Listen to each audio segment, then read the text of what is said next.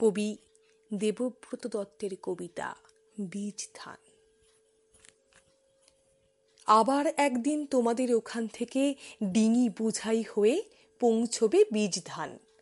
দুধের স্বর, চামুর মনির মতো সরু ধান। আসবে সীতাশাল, রূপশাল, আর সঙ্গে ডিঙির মাঝি এসে বলবে, অল্প ধান লক্ষ্মীর ঝাঁপিতে ভরে রাখতে হবে।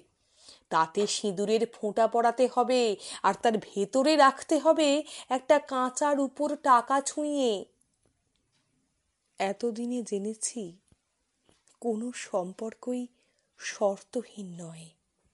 বৃষ্টি হয়, বাষ্প হয়। এখনও দুয়ার খুলে বসে থাকেন মা। আগুনে ঝলসানো মাটির দেওয়ালে আবার লক্ষ্মীর আলপনা। আর সেই তেপান্তর পেরিয়ে লাজুক লাজুক শ্রেণীবদ্ধ ধান। আহা! ডিঙির পাটাতনে পদ্মাসনা গৃহকল্পনা।